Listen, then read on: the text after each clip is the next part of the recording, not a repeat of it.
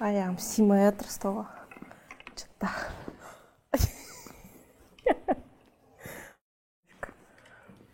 мынаны кішкене бері тартайын ба жоқ дело в моих аяқах а. Все хорошо.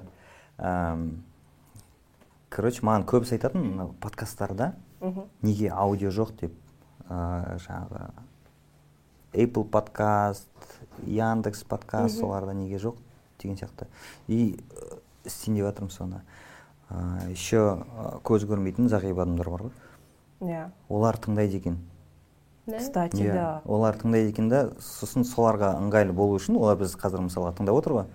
Ә, давай әркім өзін таныстырып кетсін. Примерно ә, сыртқы келбетімізді мен бастайын да мен- давай. чтобы олар елестете алатындай да. Ә, мен ә, нұржанмын үстінде ә, көк спортивка иә? Свитшот, спортивка, иә. свитшот спортивка иә. Ә, дейді оверсайз кең короче кең. Ә, көк джинсы ақ ә, кроссовка шашым қысқа вот. И секонд хендтен алған. Короче спортивка. Так дальше давай ақбөпе сен. Менің есімім ақбөпе шашым қысқа. Э, аппақпын деп аппақ қыз сырғасы тема сразу. Сырғам да менің күшті сырғам бар. Екі түсті тасы бар десең. Тастарды жақсы көремін. Ә, ә, куртка. Өзім тіккен. Қоңыр түсті. Такой. Э, футболка. Жақсы көретін бренд. Джинсы бар менде сосын носки бар. Аяғым жалаң аяқ отырмын. Кроссовкам где то рядом жанымда тұр. Жақын жерде. Баршаңызға сап. Менің есімім айжұлдыз джули десе де болады негізі қазақ қызым бірақ түрім қазір примерно эльф сияқты. Шашым сап сары ақ па сары ма өзім түсінбей жатырмын полностью ақ киімдемін толстовка джинсовка то есть джинсы бұтында ақ носки. Носки. Аппақ су- судан таза сүттен ақ болып жатырмын короче. Осындай адаммын да күшті. Енді бәрі примерно елестетіп алды енді әңгімелесе берсек болады. Көстет ана бір ә, недавно бір кітап туралы естіп қалдым әлі оқыған жоқпын. Кортни корвер что ли? Үш жүз отыз үш проджект деген жоқсыңдар ма короче үш ай бойы бір адам 33 киім ғана киеді. То есть шектеп тастайды. Бір жағынан бір ә, лишний нәрселерден құтылу ғой артық киім көп қой мысалға. Қазір біз ә, қанша жердің жаңағы жағдай жаман жаман дегенмен нашар дегенмен 33-тен көп киіміміз мысалға бір сезонда киетін. Үш ай условно бір сезонда. Сода киетін. И сол кезде м, бір жағынан адамның ана таңдауы да шектеледі да. Сен уже сол 33 киімге қарап ә, таңдайсың. Мысалға бізде таңдау көп. Мен сол жаңағы жаңағы 33 затты ә, кішкене былай қарай бастағаннан кейін кішкене джобсты түсіне бастадым да өйткені ол ә, бір стресстен сол кезінде бізді сақтап қалған екен да бір ғана телефон бір ғана түс болды. А қазір уже әр ә, күз сайын неше түрлі варианттар шығады да цвет да размер ра- үш размер бар ғой қазір телефонның. Бір айфонның ше. Вот. И таңдау керексің. Ол жақта джобс кішкене бізге э, көмектесті да. На деді сразу. Таңдама кел да просто ал и спокойно өмір сүре бер. И так ана адамда э, өмірде жасайтын таңдау өте көп. Хотя бы мен сендерге жағаласпай ақ қояйын кішкене. Жау жағадан алғанда бөрі етектен алады дегендей иә. Сондай болмай ақ қойсын деп. Прикольно негізі былай қарасаң ә, бұл дейтін өте терең психология ғой. Яғни маңызды емес үйді тазалау арқылы киімді тазарау, тазалау арқылы адам өзінің миын тазалайды. Мхм то есть все равно облегчение болады. Бір старый заттан құтыласың ғой өзіңнен полностью даже элементарно мысалы мен ұзын шашымды бір кестім ғой как будто бір облегчение болған сияқты болды менде. Оның барлығы ә, бізге көрінбегенмен іс жүзінде ол жұмыс жасайды. Ол жұмыс жасайды. Психология өте көп нәрсе жұмыс жасайды. Осындай қарапайым ғана нәрсе болуы мүмкін бірақ оның рөлі саған беретін өмірде қолданатын нәрсесі өте зор. А мен баяғыда атам деген мамам әжемнің то есть әжемнің киімдерін алып өртеп жібергені әжем жылағанын көрген кезде. Кім өтіп жүрген? Атам. Әжемнің киімдерін өртеп жіберген ғой көзінше прям. Былай ұрыспаған ба екеуі жоқ сіз жинай бересіз сол хлам млам бәрін жинай бересіз негізі старый заттардың бәрін өртеп өртеп өртеп бәрін өртеп жібереді. Қазір андай ғой ә, эпоха потребления дейді ғой. Ә, потребление всего.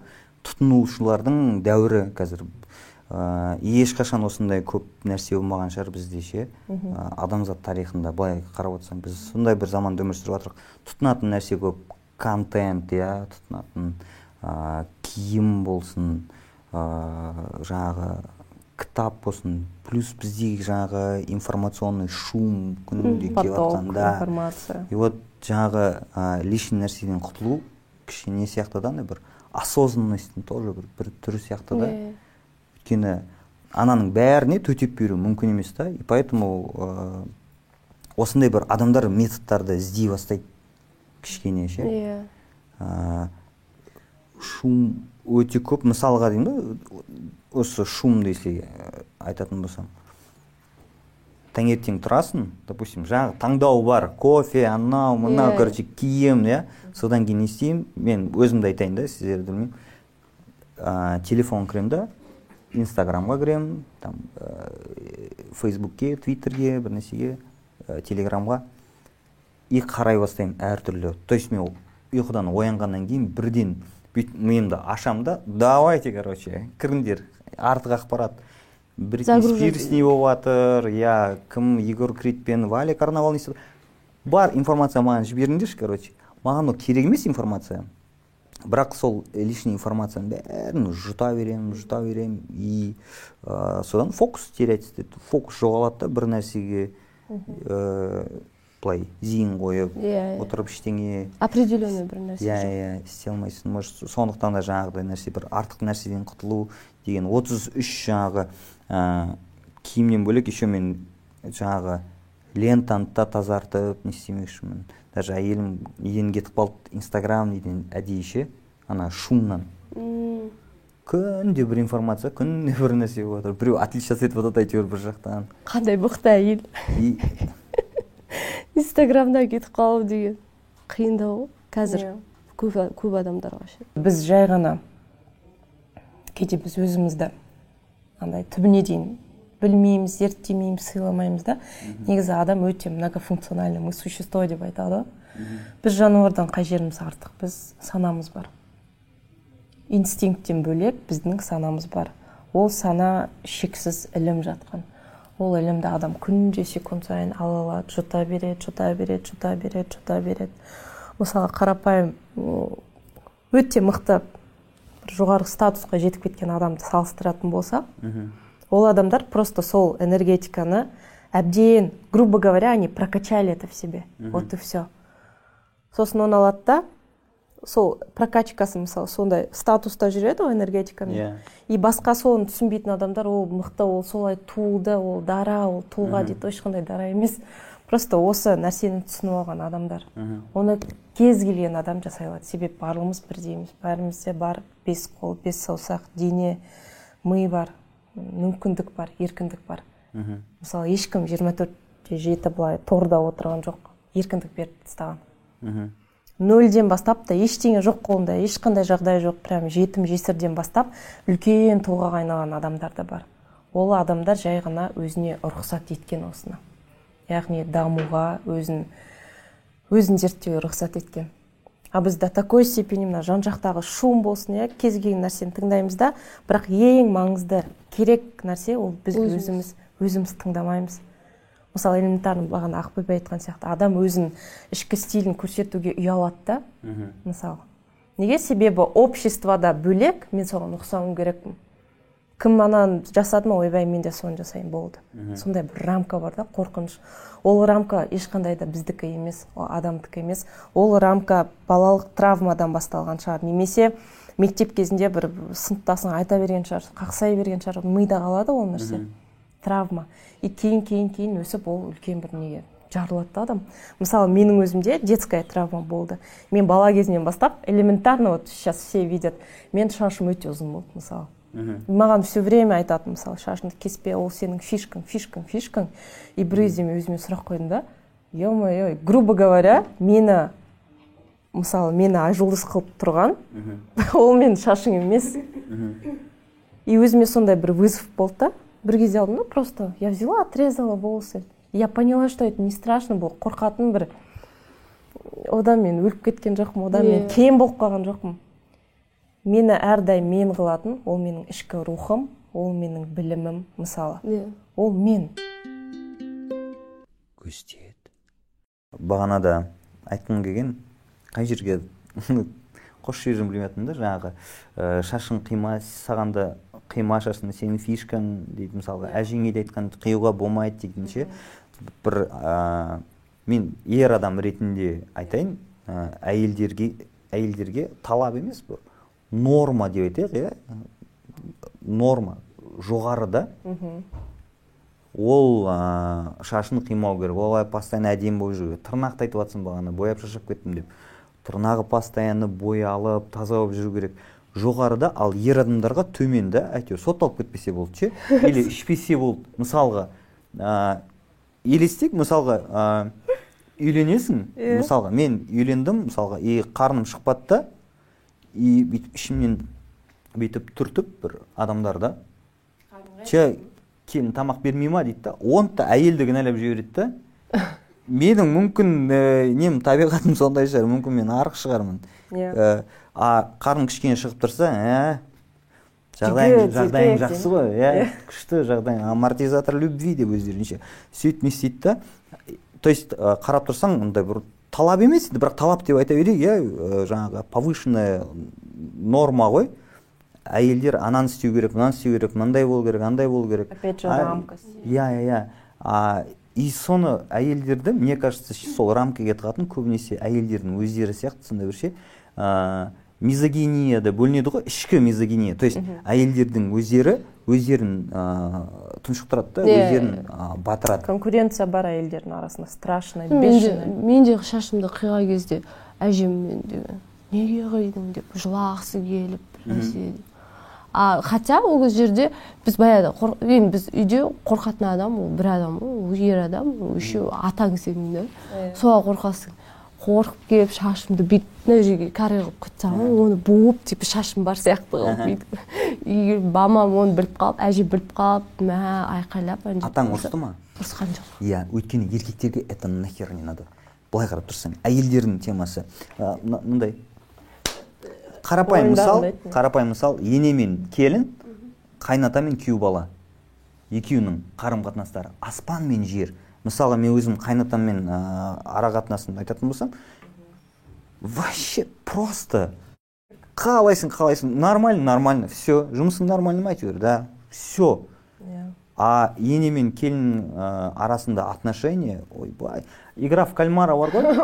Жеңіл оның жанында жеңіл ол жақта ол жақта максимум атып тастайды болды да ана жақта күнде бірдеңе күнде бірдеңе. Күнде инемен құдық қазғандай мынандай ғой мен үйленген кезде келін болып ә, түсті әйелім Иә. получается үйге. И ішкі мизогиния басталды конкретный ше. И сол кезде мен ә, күнде кешке ә, жаңағы екі жақтан екі түрлі ә, информация келетін. Екі түрлі жоқ бір информация просто ә, угол подачи басқаша. Да. И сосын мен тұрдым да ә, әйелімді алдым да қалтамда көк тиын жоқ жұмыстағы бір ә, жаңағы қыздан қарызға алпыс мың теңге алып квартира шығып кеттім. Ә, сол кезде может қазір көбісі ойлайтын шығар әйелін таңдады деп. Ә, мен негізі өзімді таңдадым да. Опять таки стресстен қорғадым өзімді. Екеуінің екеуінің екеуінің несі? Отношениесі саған келеді да ол саған тиіседі Иә, иә, иә. потому что и мамаң Екі оттың и ортасында жүресің да. әйелің. Иә екі, оттың ортасында жүрсің спальняға кірсең әйелің шықсаң ә, мамаң деген сияқты иә и мне кажется сөйттім да. самая больная тема келініне да сөйттім да мен короче ә, бөлек шығып кеттім и рахаттанып қалдым да. Өйткені ә, мен осы мынандай бір таңдау ғой. Либо ол да әйтеуір қоғамның несі ғой ә, айтатын ә, сөзі. Либо енең а то есть либо мамаң либо әйелің деген сияқты да. А мен негізі өзім таңдадым. Адам ә, қандай иә ә, қандай бір мақсат болса да негізі ә, өзінің мотивтерін қорғайды. Иә. Өзім мен өзімді қорғадым да жаңағыдай стресстен проблема өзің жұмыстан шаршап келесің еще тағы анандай нәрсе да не по идее правильно сделал. Негізі да дұрыс прям. Менің не деген еркек. честно вот искренне скажу ешқандай насилие қинап қинаушылық болмау керек. Негізі по сути біз енді енді бұған келе жатырмыз менің ойымша. Осознанность болу керек әр адамда. И в принципе әр адам қалай өмір сүрді бұғанға дейін солай өмір сүру керек қой просто спокойно Вот біреуден именно. бір нәрсені талап етпеу арқылы вот честно это для меня реально больная тема грубо говоря потому что а, я через это тоже прошла я но я сейчас не об этом по-любому но просто задел такую интересную тему негізі өте қызықты тема и просто менің позициям сондай да адамды қинау состояниесі болмау керек А, ең дұрыс нәрсе қалай бар солай қабылдап үйрену то есть адамды. Ол жакшы болсун жаман болсун жоқ ол өзіңді көрсетуге байланысты ғой қазір деген көбінесе қыздар деген күйеуге шығады да сосын иә мама мама мама деп күшті болып жүреді да содан кейін. На тебе маска содан бір күнде дейді. Ғой сол болды а сен өзің басында өзіңнің қандай екеніңді сразу көрсетуің керексің. Не строить из себя да не строить из себя прям ты что такая прям күшті келінка такая классная Решательно такая прям в платье в пол прям орамалын тағып прям күшті болып жүр мен сөйттім например мен келін болып түскен кезде сол ойладым енді мен күйеуім па- папасы шымкенттікі да енді. Сәлем салу обязательно деп ойладым. Таңертең тойдан кейін таңертең тұрып орамалымды тағып шығып сәлем беріп жатсам атам мен енем маған қарады да күлді ғой екеуі. Қой айналайық бізде ондай емес біздің үйде ондай емес Э, сәлем салмай ақ қой орамалын тақпай ақ өзің қалай барсың солай жүр сразу все болды мен алдым да мына рахмет көп бірінші рет жасадым енді. Бір рет жасап бердім. Білесіздер қандай екенімді то что уважаю да үлкендерді сыйлаймын отвечаю қазір мына жерде комментарийдің астында. Адамдар екі топқа бөлінеді. Біріншісі бастайды «Ә, біздің қазақтың салты неуважение дейді екіншісі бастайды надо жить так қазақ современно». салты болса айналайындар пожалуйста жайлауға барыңдар да мал бағып киіз үйдің ішінде тұра беріңдер. Вот сол кезде қазақтың салтын сол кезде сақтайсыңдар. Қазақтың салтын сақтаймыз сақтаймыз дейді да. Өздері телефонда сосын ана жаққа барады коньяк ішіп отырады что? да иномаркамен жоқ дело в том что э, мынандай мынандай понятие ғой мысалы адам өзі қандай стильде өмір сүреді? Қалған бәрі сондай стильде өмір сүру керек сияқты да как Да, бы. да, да. потому что они вешают свои ярлыки. Да, өзі қиналып жатса басқа біреуде. То же самое менің ойымша көп м, не в обиду я сейчас никого не хочу обидеть но көбіне үлкен кісілер мысалы қанша қиыншылық көрген шығар окей иә өмір қатты қинаған шығар мен түсінемін ол өмір оның өзінің жолы бар. Бірақ бір кезде жас қыз келген кезде как будто сол испытанияны она тоже должна типа перейти. Да да. Понимаешь, о чем я? мысалға өзі жаңағы ене ә, қиыншылық көрді өзінің енесінен кезінде. Иә содан кейін біреу айтпайды ғой так осы жерден цепочка үзілсін мен осы жерден тоқтайық әрі қарай ә, типа жастарды қинамай ақ қояйын демейді наоборот мен де көрдім өлген жоқпын. Давай сен де көр. Немесе ә, страх болады ол адамда. Яғни жан жақтағы адамдар менің келінім жақсы болу керек деп мақтап алады да типа олардың көздерінше қандай болу керек? И начинает требовать. Вот реально такое тоже бывает. Поэтому білмеймін. Просто қара адамды қысқан сайын ертелі кеш ол жарылады ғой. То есть әр адам оған извините меня грубо мал сияқты қарамау керек қой ол адам жаны бар өзінің тағдыры бар өзінің ойы бар. Келісім шартқа келіп как то это же можно решать? Менің енем сөйтіп айтты. Мен қиыншылық көрдім бірақ мен саған сол қиыншылықты көрсеткім келмейді деді. Маған. мен енем деген мощь қой мен енем по- подружка атын айтайын ба я уже ее люблю. Б-дан басталады. Б-дан басталады. Биба да. Мен енем прям мен подружкам Иә. сияқты например. Екеуміз ара қатынасымыз құдайға шүкір. Жақсы анда санда болып тұрады но сразу сразу мама. өмір ғой енді иә. Иә конечно кім ұрыспайды кім төбелеспейді например. Төбелескен жоқпыз бірақ ұрыстық кішкене де да сол әйелдің жауы әйел сияқты да э, былай қарап отырсаң өйткені бағана айтып кеткен уже ол знаешь это как болезнь уже оның тамыры баяғыда жарылып терең оның тамыры иә. Тамыры баяғыда бүйтіп жайылып кеткен ғой жан жақтан. Көрермендерге бірдеңе айта кетейін біз өте ақылды сондай бір данышпан адамдар емеспіз. Сіздер сияқты адамдармыз тек білген нәрсемізбен кішкене бөлісейік деп отырмық пайдасы болса окей пайдасы жоқ болса может керек емес те шығар иә біздің айтып жатқан нәрсе. Шемішкі шаққан сияқты болу керек. Керек дәнді же да қабығын тастасай болды мысалы элементарно бір кітапты оқыған кезде де то же самое ішіне алатынды аласың ішінен алатын максимально выжимать етіп аласың да. Ол кітапты жабасың болды бір. Максимум екінші рет қайталап оқисың но это маловероятно. Если бір проектіңе керек болмаса а так бір кітапты екінші рет редко оқыдың ба? Нені оқыған болды ма? мен бір кітапты екінші рет оқыған кезім болды иә. Жоқ болды менде де оны Қандай кітап? былай болды. Булгаков мен булгаковты көп қайталап оқи беремін ренжімеңдер Ам, бірінші оқып шықтым содан кейін бір бес жылдан кейін ба алты жылдан кейін ба мастер маргарита. Қайтадан оқыған кезде басқаша ма? Басқаша. вообще басқаша. Иә, иә. собачье сердце то же самое. Уже ә, ол негізі өте бір қызық нәрсе екен. Сөйтіп оқыған кітаптарын қайтып айналып келіп оқысаң сен ана уақытта біраз өзгердің ғой. Уже сен басқаша келіп оқисың басқаша қабылдайсың. Алдында оқыған кезде түсінбеген түсінбей қалған нәрсені а оказывается былай былай екен мынаны айтқысы келген екен ғой деген сияқты. Кейбір нәрселерді түсін шуткілерді түсінбей қаласың мысалға. Иә. кейін а деп күлесің допустим да? Ана- адам постоянно өзгеріп отырады ғой негізі. Мысалы бүгін осындаймыз ертең бұдан да басқаша болуымыз мүмкін. Да ой Секунд ой сайын ой өзгереді. ой өзгеруі мүмкін. Мхм. мен андай кейбір болады. Бір- жыл бұрынғы посттарыңды көріп қаласың ғой өзіңнің біреу біреу коммент жазып жібереді дейсің да какой кошмар дейсің да еще мың адам лайк басқан ба мынаған деп ше. Ужас деп. Так не істеймін өшірейін ба или а- архивировать етіп тастайын ба деп не істейсің да бола ма менде то же кеше, самое? менде Жоқ. кеше сондай депрессияк болды. Это либо қайтадан меркурийге жаба салайық енді жиырма сегізіне дейін ретроградный. Он сегізіне дейін деді ғой. Жиырма сегізі. Мен он сегізіне дейін сол деп он сол тоғызына меркурий өмір сүрді ғой. Өмір сүрдік қой осы меркурий андай инстаграмда камео жатқанша да причем тут я дейін. жоқ қазір күшті сондай стильный болып кеткен ғой.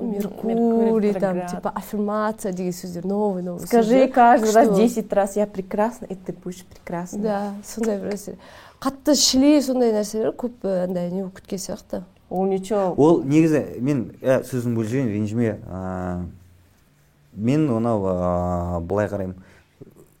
Ну не то чтобы мысалға если сен біреуге сөйтіп айтатын болсаң бір медитация осознанность ана мына қазір бір модный болып кеткен деп оның ә, сезімдерін құнсыздандыра алмайсың да обесценивать ете алмайсың да біреуге даже обидно да болуы мүмкін.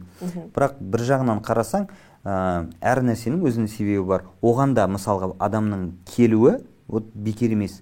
Көп нәрсе через боль келеді да. Ә, мысалға бағанағы 33 ә, 333 деген проект жаңағы кітап. Ол да через боль. Өзі ә, ауырғанда склероз ә, бола бастағанда содан кейін ә, артық заттарды алып тастап тек керегін ғана өзінің қазіргі оперативный памятіне істей алатын нәрселерді ғана ә, жинай бастағанда то есть через боль келген мысалға осознанность жаңағы әркім әртүрлі келеді дейді да. Любой нәрсе да. через боль келеді. Жоқ, жақсы, ол- жақсы нәрсенің көбісі иә? дұрыс.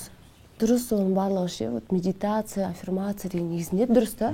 Просто қазіргі адамдар оны ше типа инстаграмда трендте көріп қалады да. Ой она тоже так делает я тоже попробую сделаю дейді да сонымен сол жасайды. Просто ол ар жақ ол түпкі несін ол түсінбейді да ол ар жағын. Уақыт дегенде түсінеді. Жібере салшы олар? Көстет сен өзіңнің күйеуіңе өзің барып ә, инициатива көрсетіп кездесуге шақырып ә, үйленейік деп айтқанда өзің дұрыс қой? Иә. иә? Үйленейік деп айтқан жоқпын Енді- намек тастаған өзім не қойды шаги Иә. шаги да. Шаги первые Я- шаги от меня были. осознанные шаги потому что мен түсіндім да сол осы мені адам екенін оның түсінгенін білмеймін енді конечно ол түсінді ма мен оның адам екенін. Адам ба оның Не, вообще вообще да но мен өзім түсіндім то что это мой человек то есть а, соның өзі нормально то есть Да. андай бар ғой ә, жаңағы қыз бірінші жазбау керек қыз бірінші хабарлас- сон- сондай бірдеңелер ше ол не опять таки не ғой ә, рамкілер ғой Никто никому ничем не обязан. Надо уже давно успокоиться все, мне кажется. Да. Ол жазу керек, он обязан, никто не обязан. А, просто бұл жерде ше ә, қалай ол опять же бұл воспитание тәрбие. Мхм тәрбие да ол сені қалай ата анаң қалай тәрбиелейді сен сондай шагтар жасайсың да солардан көргеніңді жасайсың ііі, істеген істерін қараптар сондай өзіңе не жасайсың қорытынды жасайсың да. И мен оған жазар алдында мен бір, прям андай типа я сама все должна я самая сильная я сама буду контролировать это все деп ондай мағынада емес ондай ой жоқ иә ондай ой жоқ. Иә, просто я хотела у меня душа захотела Да, вот да, это да. вот человека блин Интуиция. увидеть да көргім келді да осыны. И мен бірінші интуициям то что ол сондай жақсы адам екенін білдім да. И мен чувствовать еттім. Одан мен сосын бірінші әжеме хабарластым ғой. Хабарластым не жазар алдында. Кандидат бар дедің ба? Мам сондай кандидат бар и реально сондай кандидат бар не істейін деп сосын ба айтты, әй жасың келді сенің айналайын. Давай. Құрсын қазір движение өзің алсаң еркектер шамалы шорқақтау келеді сондай нәрселерде. Олар көп ойланады да. А біз уже бірінші интуицияға сеніп бірінші жазамыз. Жасаймыз көп нәрсені. Голостағыдай болған көп жоқ нәрсені па ұнаған адамға да. Жоқ мен жаздым ол иә деді все болды. Иә. О- сен оған кездесейік деп жаздың ба? И сосын мен айттым киноға барасың ба деп. Сол айтты иә деді өзім это төлеймін ба? слишком сосын ол айтты «С- давай деді. Сол бірақ мен оны бір байқағаным ол еркектің да ол күшті да андай э, еркектің да жақсы еркегі болады екен да прям. До такой степени то что мен келген кезде ол подаркасымен бірінші есікті ашып мен отырғаннан кейін барып отырып ол видишь тоже воспитание. Это от- барлығы сол түбі вот воспитаниеден байланысты. Қалай тәрбиелейді солай өмір сүреді адам короче. Ә, мен терапия жайлы қысқаша айта кетейін. Ә, вдруг мне тоже будет интересно. Ә, мен әйелім арқылы келдім. Мынандай екен ә, егер мысалға жұп болса иә біреуі терапияға барса екіншісі қалып қойса ара қашықтық үлкейе береді да. Иә. Ә, бір бірін түсіну түгіл бірге тұру қиын болып кетеді. Ә, мен оған жеткізбедім әрине. Ілініп салынып әйтеуір артынан короче. Ә, еріп барып реклама жасамай ақ интернетте онлайн көп неше түрлі жаңағы психотерапевтер бар. Солармен ә, жұмыс істеуге болады. Аптасына бір рет иә бір сағат елу елу бес минут. Соның өзі ә, былай істейді кішкене жаңағыдай бір ә, бәрі айналып жаңағы детский травмаларға келе береді да Иә. тү- түбін если шұқылай берсең мынандай екен ол мынандай бір ә, жіптің мынандай бір несі не дейді ғой клубок дейді ғой. Жіп содан кішкене бір шетін шығарып аласың да. Соны тарта бересің тарта бересің саған кім көмектеседі жаңағы терапевт соны тартуға. Сөйтіп кете бересің да қарап тұрсаң бір ә, тақырып болады. Сол тақырыптан тағы бір тақырып тағы бір тақырып и шығарып аласың да бәрін. Ә, мен бір қарапайым бір ә, мысал айтайын. Мен мысалға ә, кроссовка алғанды жақсы көремін сатып алғанды ше кроссовки сатып аламын сосын арзан емес енді он он бес мыңдық емес кәдімгідей жетпіс мың минимум да сондайларды бірақ алғаннан кейін оны мен бірден киіп шыға алмайтынмын. Мен оны түнде дворда есіктің алдында магазинге барып келуге киіп кішкене ә, тоздыратынмын. Күндіз сыртқа шыққанша. Странно странно. Неге короче? Ә, неге? Ә, өйткені мен ұяламын менде андай екен оказывается. Мына байғұс енді алыпты ғой кроссовка деген сияқты. Шашқа да қатысты сондай еді. Мен мысалға шашымды бір съемка бола ма? Оған дейін үш төрт күн бұрын қысқартамын да. Свежестриженный болып келемін мына байғұс съемканы ал әйтеуір өйтіп бүйтіп бір тиын тауып шашын қиыпты ғой деген сияқты әңгіме айтылмайды. Бірақ айтылмасын деп да істейтін аяқ киім де соған қатысты? Бәрі сол жаңағы түбін короче тауып алдым да сол жұрт не дейді не ә, кезіндегі ақша жоқ кездер соның барлығы маған ә, әсер еткен екен да. иә и мен бүгін шашымды қысқарт тура съемкаға келіп отырмын. Не? Маған қазір бәрібір дейсің ғой.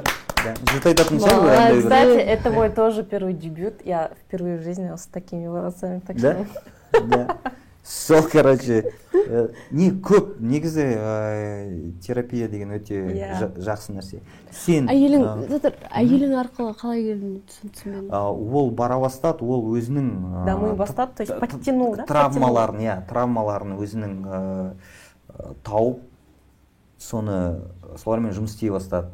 Содан кейін мен де кеттім начали уже бірге да бірге жоқ жоқ отдельно отдельно әркім отдельно но ол да зато мен бір де- вайбта ғой самый иә главный. иә иә әркім ә, өзінің түсінгенін бір өзінің ашқан нәрселерін ә, айта бастайды да. Ә, и мен короче содан кейін ә, аяқ киім туралы бір пост жазғанмын. Ә, к- кіріп көрсең де болады. Бірінші сентябрь күні салдым. Ә, бірінші сентябрьге кішкене ә, шағын оқиға айтып берейін иә.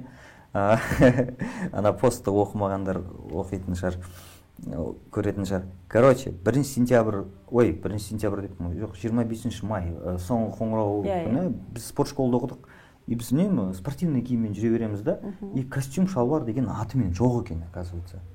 Сөйтіп о- мектеп бітіріп жатырмын сөйтіп үйден бір ағамның ба папамның ба әйтеуір бір костюм тауып сосын туфли. Туфли жоқ қой. Менің аяғым ең кішкентай аяқ үйде отыз тоғызыншы размер. И сосын папамдікі қырық бір. И не істейміз короче. Оның да туфли жоқ и короче бір туфли табамыз более менее дегенше бір. Сөйтсек табанында мынандай тесік бар.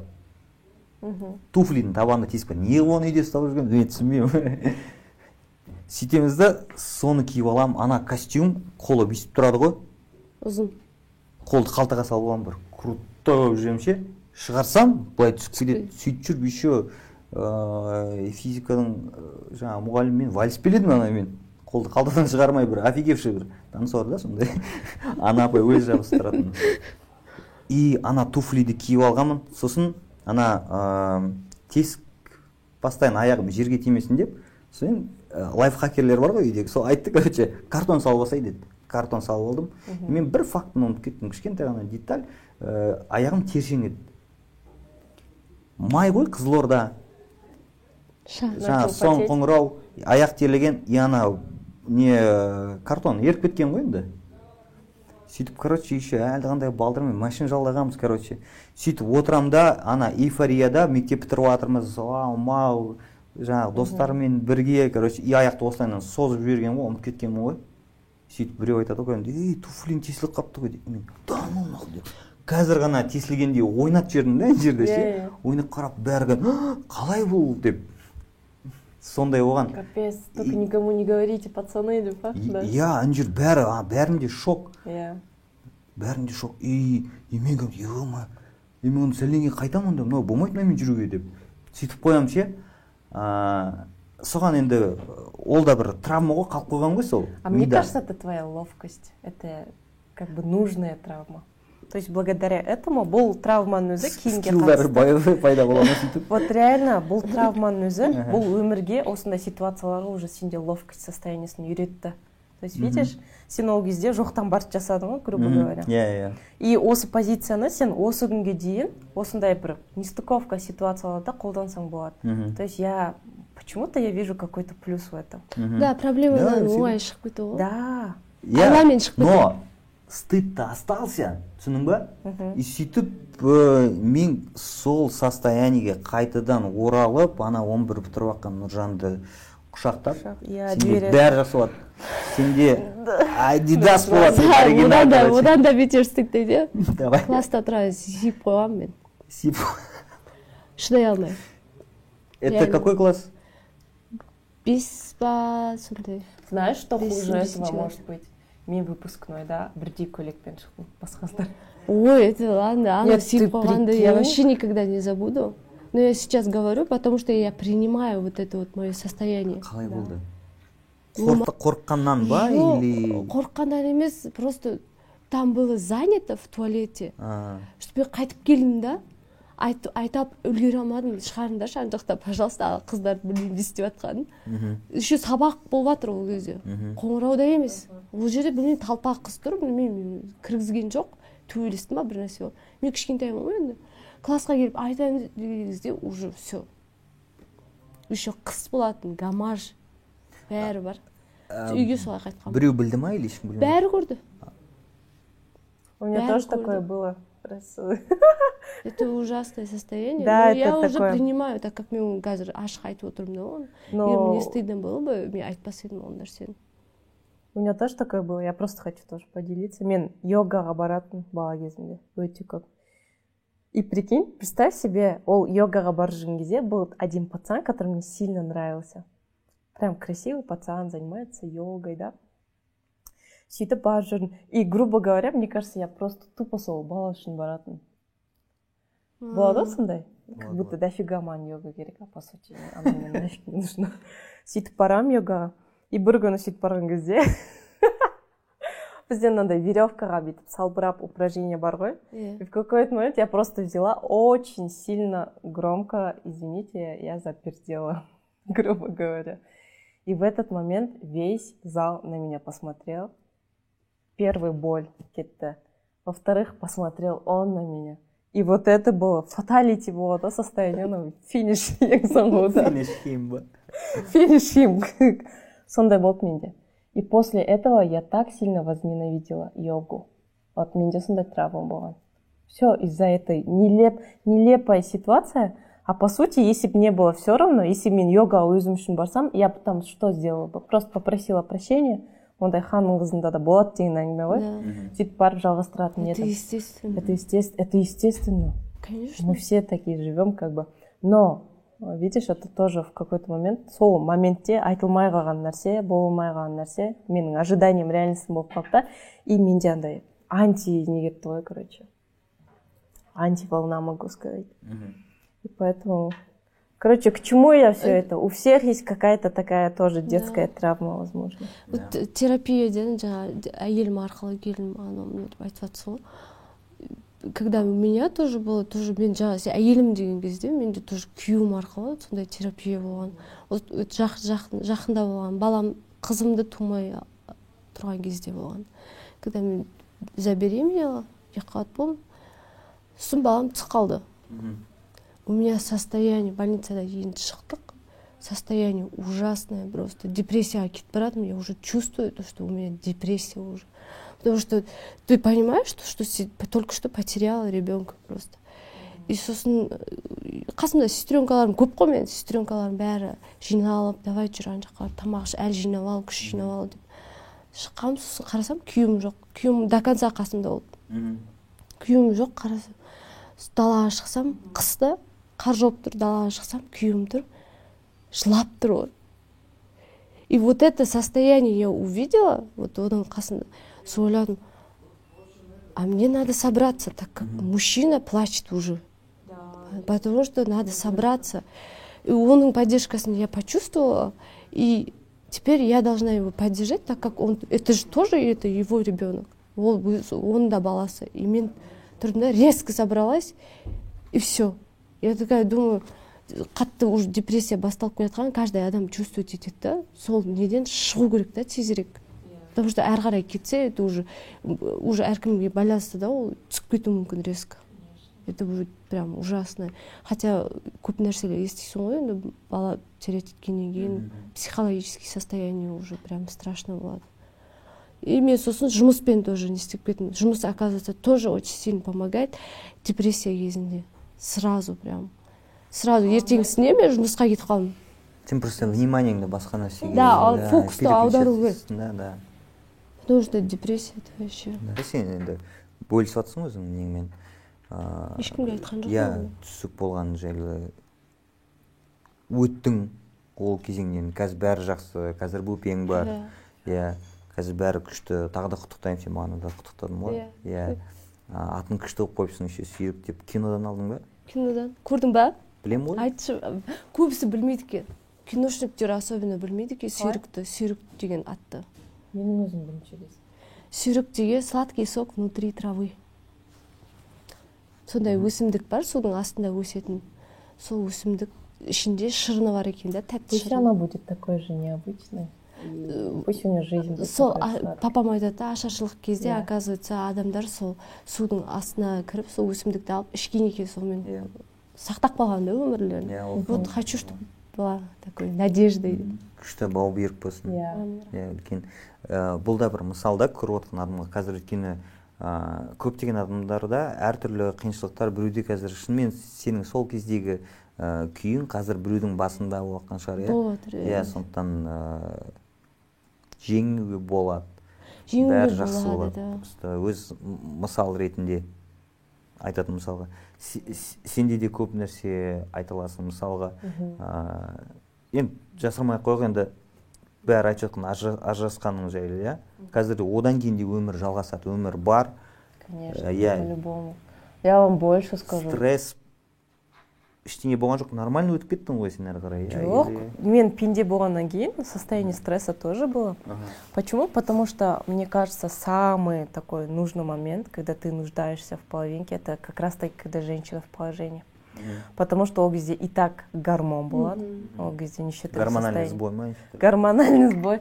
Бірде бала қуасың короче неше түрлі эмоция состояниемен жүресің но я вам так скажу не знаю как у других вот реально но после этой ситуации менде жесткая трансформация басталды то есть мен ә, сезетін нәрсемді сезіп қалдыратын нәрсемді қалдырып кеттім уже. То есть поэтому я могу сейчас спокойно об этом говорить. А. Бұрын мысалы бұл менің ең боль- больная темам болса ешкіммен естігім келмейтін да у меня тоже были моменты типа почему это случается именно со мной? типа. Болады у всех все хорошо но у меня что то вот так вот случилось. Почему и я начала разбираться? А вдруг я повторяю судьбу своей мамы? У мамы примерно такая же ситуация была. Сөйтіп сөйтіп сөйтіп келдім келдім да? Бірақ мен короче өзім ішімдегі бір ответ бар да оказалось это было к этому. Өзімнің өтетін жолымның бір этабы ғана болған екен ғой бұл. И поэтому я хочу сказать что жизнь конечно на этом не заканчивается ребят. Я просто хочу тоже поддержать. Бұндай ситуацияны өтіп жатқан адамдар өте көп. Мен дайректте өте көп адамдарды оқимын көремін. Сразу скажу не надо быть сильной. Будьте слабыми да почувствуйте вот этот весь момент. Бұл нәрсені адам сезіп өтіп кету керек. Егер до конца сезбесең бұл нәрседен өту қиынырақ болады. Сол үшін мойындайтын нәрсені уақытымен мойындап ә, кешіретін адамды кешіріп жіберетін адамды жіберу керек болды. Сенде то есть ондай состояние қалмау керек та бір? Обида сенде уже басында басында не істеп кеттің ба ол? Басында. Болды но бастапқы кезінде видишь у меня все смешалось. У меня ә, бір жағынан токсикоз бір жағынан гормоны и бір жағынан осындай то есть я сама одна с этим справлялась. И получается бүкіл букет барлығы жиналған кезде адам хочешь не хочешь кішкене жүйк, ә, не істейді ғой тозады ғой жүйкесі. Қиналады адам. Қиналады конкретно қиналады ондай кезде сен ешкім түсінбейді. Как будто вот реально ондай кезде планетада өзің қалып қалған сияқты боласың ощущение. И это абсолютно нормально я вам так скажу. И самое главное прожить моменты. Қорықпа. Э, қалай бар солай қабылдап себебі кез келген нәрсе бекер болып жатқан жоқ это не означает я еще раз повторю это не означает что вот я хорошая маған осынша осындай қиыншылық келді он плохой деп нет он тоже свой опыт проживает я тоже свой опыт проживаю и все кто касается нас они все проживают свой опыт вот и все то есть просто тағдыр солай болды да что жоқ сол сен керек болды просто өзің сол кездегі состояниеңді айтшы прям қандай болды просто ну если сол кезде без үңілетін всяких болса этих нет без всяких масок как есть так и говорю жоқ без всяких этих умных словечек давай. Давай, Проще ма? что-нибудь Проще проще түсіндір, да да. Проще? да. Давай я попробую проще как объяснить. этот А, Мне кажется, многие люди, которые проходят через это, они меня поймут. А, Бывает чувство обиды. болды да обида Конечно, ты Ну что, вот это же сол- очень сол туралы обидно. ғой а тут ты А, Чувство обиды бывает, чувство одиночества. Чувство того, что все не так. Обидой. И плюс чувство вины, и плюс чувство собранности болады. Короче, бұл состояниеде бүкіл ә, бүкіл эмоцияны сен сезінесің потому что сен өзіңе слабый болуға рұқсат бермейсің потому что у тебя ребенок и ты в ответе за него не дай бог сен қатты слабый боласың если он родится каким-то не таким ты Да. опять будешь себя чувствовать виноватым потому что в первую очередь баланы ойлайсың бүйтесің еще плюс келіп врачи все начинают тебе говорить умные вещи жан жақтан қысады да ты должна быть сильной сильной я хочу сказать тебе будь слабым вот реально возьми будь слабым хочешь поплакать поплачь хочешь отпустить отпускай не хочешь отпускать не отпускай то есть был этапта особенно беременность кезінде сен осындай состояние болса ақылшылар көбейеді бірақ ешқандай ақылшыны тыңдап керек емес. проживи свой момент не бойся. Сен ешқандай да жалғыз адам емессің. И бұндай этаптан өтіп жатқан адамдар көп. Трансформация я то что я говорю умные вещи бүйтіп отқан на самом деле сен мені сол состояниемде көрген жоқсың меня даже в инстаграме в этот момент не было. Я просто проживала этот вот сен жоқ одна проживала? вот сол иә мамаң болды ма а ондай кезде естественно одна деген кезде енді кішкене драма queen болып айтып жатырмын ғой одна деп а по сути я конечно не нет по сути была реально одна потому что қасыңда күйеуің болған жоқ поддержка беретін это человек который делал тебе ребенка подарил тебе этого Да, да. ребенка и он должен был присутствовать в этот момент. Нет его Ага. он должен был присутствовать рядом. Но видишь он такой э, типа чуть-чуть глупый человек. Вот так поступил да например да? И вот да ол например сондай қиын моментте он должен был прожить с тобой вот это все моменты? Мне кажется я просто прожила свой путь сен өзің ғана болдың да қасында хорошо что мама рядом была. Тағы кім болды қасында? Так у меня рядом был мама. У меня было очень много ну друзей вот видишь. А потом ну я такой сама по себе человек. Мен ешқашан да бір а, состояниеде депрессияда ұзақ отыра алмаймын бұл менің табиғатым менің барым сол да. И поэтому что я сделала? В этот момент у меня были очень много моих источников питания грубо говоря. Менің рухани былай поддержка беретін адамдарым өте көп и я просто каждый раз каждый день ерінбей солармен барып сөйлесіп я себя прокачивала. Вот чем я занималась. Вот реально менде бір трансформация сол кезде пайда болады но басында окей там бір екі ай менде м, бір депрессия состояние болған шығар по любому болады. Это же нелегко. Ну это это сен просто сен екі қабатсың екі қабатсың алады да еркек алады да сені лақтырып кетеді өйстіп конечно это же вообще г- смотри видишь қандай бывает қандай еркектердің болатыны просто. У, не- у него свой путь видимо и у меня свой путь видишь это как э, спорный нәрсе болады да это как цифра 6 ты видишь девятку я вижу, ш- э, вижу шестерку и менің ойымша по любому екі жақтан да болады и мен оны жоқ оның мойындаймын проблемаларын ладно түсініп тұрмын жоқ да, о- у него жоқ есть енді оны проблема. жаңағы сыртынан үй- өйтіп кетті өйтіп кетті емес енді а, жоқ енді былай алып взрослые қалсаң- люди, да, вот так получилось, да, ол кетті. Мне кажется, ә, егер де ол ә, айжұлдызды осылай аяғы ауыр кезінде қалдырып кетпейін деп қалса ол кезде мне кажется ә, айжұлдызға бұдан да қиынырақ болар ма еді өйткені ол бір ыңғайсыз бір сондай бір ә, не знаю неприятное чувство наверное из жалости что ли қалатындай или болмаса из чувства долга понимаешь андай не из желания они уже ажырасып кетті видишь ажырасып иә иә ну хотя бы жоқ он- сен кетіп қалғанын айтып жатрсың ғой жоқ кетіп қалғаны жоқ хотя бы попкорн? Я буду жоқ жоқ хотя бы Нет, мне просто он интересно помогал ваша где-то позиция. какие-то? Он где-то помогал например где-то. Ну это же общее это же не не только твой ребенок например. Это же Да-да-да, общее. он где-то он помогал например где-то поддержать поехать на УЗИ. Если- вот так типа такое. Короче, если мы сейчас зайдем, мы очень глубоко идем. просто Поэтому видишь, да, где-то я обобщенно понимаю. я готова, но где-то глубоко идти, я, мне кажется, я еще не иә готова. өзім көрейін ешкім не баққан жоқ жоқ жоқ мен ойды Біз- естіп жатқан біз жоқпын ше- сен Жоқ, негізі түсініп тұрмын, я айжұлдыз понимаю. саған такси шақырсақ та біз дальше өзіміз осы тақырыпты Нет, алып кетеміз нельзя, по сути, я вам так скажу, как нормальный, осознанный человек, это, м, я сразу говорю, это не, не то, что попытки кого-то унизить там или что-то плохо, нет. Я не идеал, и он тоже не идеал, скажем так, да.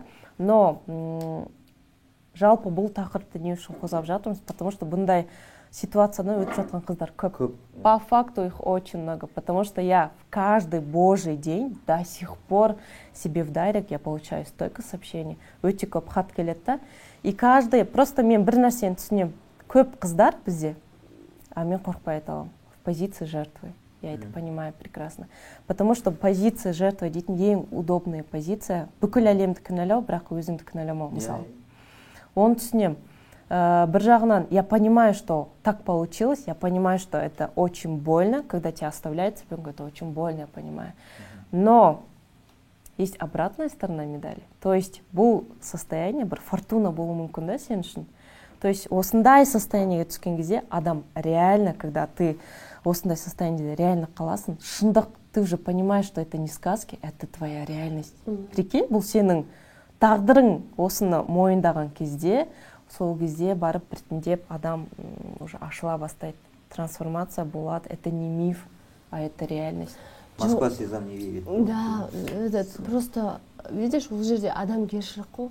адамгершілік то что типа и это общее вот это уметь то, что, принять типа... и уметь отпускать это тоже мне кажется жоқ отпускать это да ты от сердца его ты отпускаешь да но все равно ответственность деген болады ғой жауапкершілік деген то что сен істеген жасаған жасаған істеген жасаған ісің соған жауапкершілік болу керек просто я, я верю одному бір ғана системаға сенемін это бумеранг все я просто не хочу лезть не хочу копаться в прошлом но я знаю что есть бумеранг и по сути я не желаю никому этот бумеранг но жоқ сен оны желать етпесең де да ол по любому бумеранг болып қайтып келеді и просто здесь я просто сразу хочу сказать что я не пытаюсь андай болады ғой состояние өзін ақтап алу вот я смогла вот, сильно справилась нет я просто прожила свою жизнь басыма түсті окей қабылдадым көрдім я иду дальше вот и все и этому человеку по сути я не желаю ничего плохого потому что ну нет как сказать ничего плохого я к нему не чувствую я чувствовала к нему агрессию да, базар жоқ я к нему чувствовала обиду агрессию все плохое гнилое говнище я чувствовала когда была в положение потому что ол кезде плюс гормон не не бар и мен ол состояниемді өзімнің ә, қабылдаймын и өзімді кешіремін потому что ну беременная женщина это простимо. А сейчас у меня более такой осознанный взгляд. Ә, просто когда человек проживает весь этот опыт когда сен уже бүкіл хейтті да көресің бүкіл ә, негативті да көресің тұңғиыққа батасың өзіңмен өзің қаласың жалғыз өзің қаласың сенде уже вообще басқа трансформация болады. Мен бұны айтып жеткізе алмаймын сөзбен. Просто бұл этапты өткен адам ғана біледі. Вот видишь как әйел ретінде сен бұнысын барлығын жалғыз өзің не істеп жатрсың да? По сути да. Вот қазір айтпасаң енді типа әйелдер еркектен мықты мықтырақ деп айтсаң келісесің ба? Жоқ жоқ келісесің жоқ вот видишь осы осындай состояниеден өткен сайын әйелді ше көбісі қоғамда көбісі жей береді да ой вот в основном все равно әйел кінәлі болып қалады. Ой она сама виновата свой характер показал оның мамасына характер көрсетпеу керек бүйту бүйтпеу керек сөйтпеу керек деп. Бізде сол бүйтпеу керек сөйтпеу керектің арқасында айтып жатқандардың көбісі әйелдер. Да вот әйелдер бағанағы ішкі мизогиния айтып жатқан да. Сол. Иә. Потому что ол білмеймін қай жақта өскен әйел өйтіп айтатындай. Менің түсінгенім бойынша жалпы бұл опыт не болсын адам кішкене гибкий бола білу керек өмірге что бы ни случилось какая бы жопа ни случилась человек всегда может найти выход.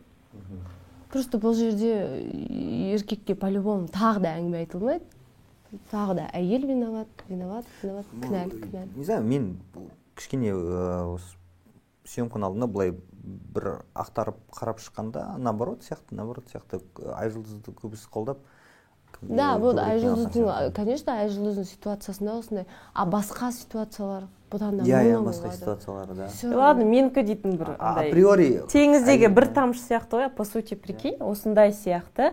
Но басқа ситуациялар столько их есть ситуация как насилие да допустим. Еще хуже есть ситуация когда человек остается без родителей тоже есть. Это больная тема я считаю для многих. Вот қыздар например да қайтып келіп жатқан кезде үйіне ше қайтып келеді ғой енді күйеуінен таяқ жеп келді енді по любому а ол бөлек әңгіме. если ер адам ұрса это уже вот басқа. мен вот менде емес енді бір ситуация болды да осы подружкамде. Қайтып келді үйіне. Әкесі мен шешесі алды да қайтарып жіберді ұят болады деп. Өзінің әкесі мен шешесі ұят болады деп қайтарып жіберді сонда мен айтамын да а если ол тағы бір рет ұрды екі рет ұрды одан өлтіріп тастаса сонда нормально будет? ұят опять же ұят. Это уже боязнь их э, өзінің ата анасын қорқынышты видишь? Жұрт не айтады ана кызге кайтып келди ол пипец ол ұят жерге қарайын дейтін. Ужасно. Элементарно вот за что я просто благодарна своей маме сейчас за ее поддержку. Вот. И поэтому если мені үлкен кісілер ата ана қабылдап жатса нет ничего важнее чем твое маленькое дитя по сути. В любом случае ол маңызды емес. Мысалы то что ол адамның мысалы мен өзімнің айтып жатқан тағдырым то что поддерживает его мама это замечательно. Пусть поддерживает потому что ты его ребенок точно так же меня поддержала моя мама. Дұрыс па қандай ситуация болса да мама мені қолдайды. Даже если менікі дұрыс емес болса да мама қолдайды. Неге себебі ол менің анам? Мен соның ішінен шыққан адаммын мы на одной волне біздің кіндігіміз бір. И то же самое ол өзінің анасын қолдайды анасы оны қолдайды потому что у них связь. И было бы очень глупо если б как-то либо это либо это дейтін выбор қоюға болмайды. Просто бұл жерде менің ойымша түс- түсініп адекватно қарап болмады ма? Болмады окей.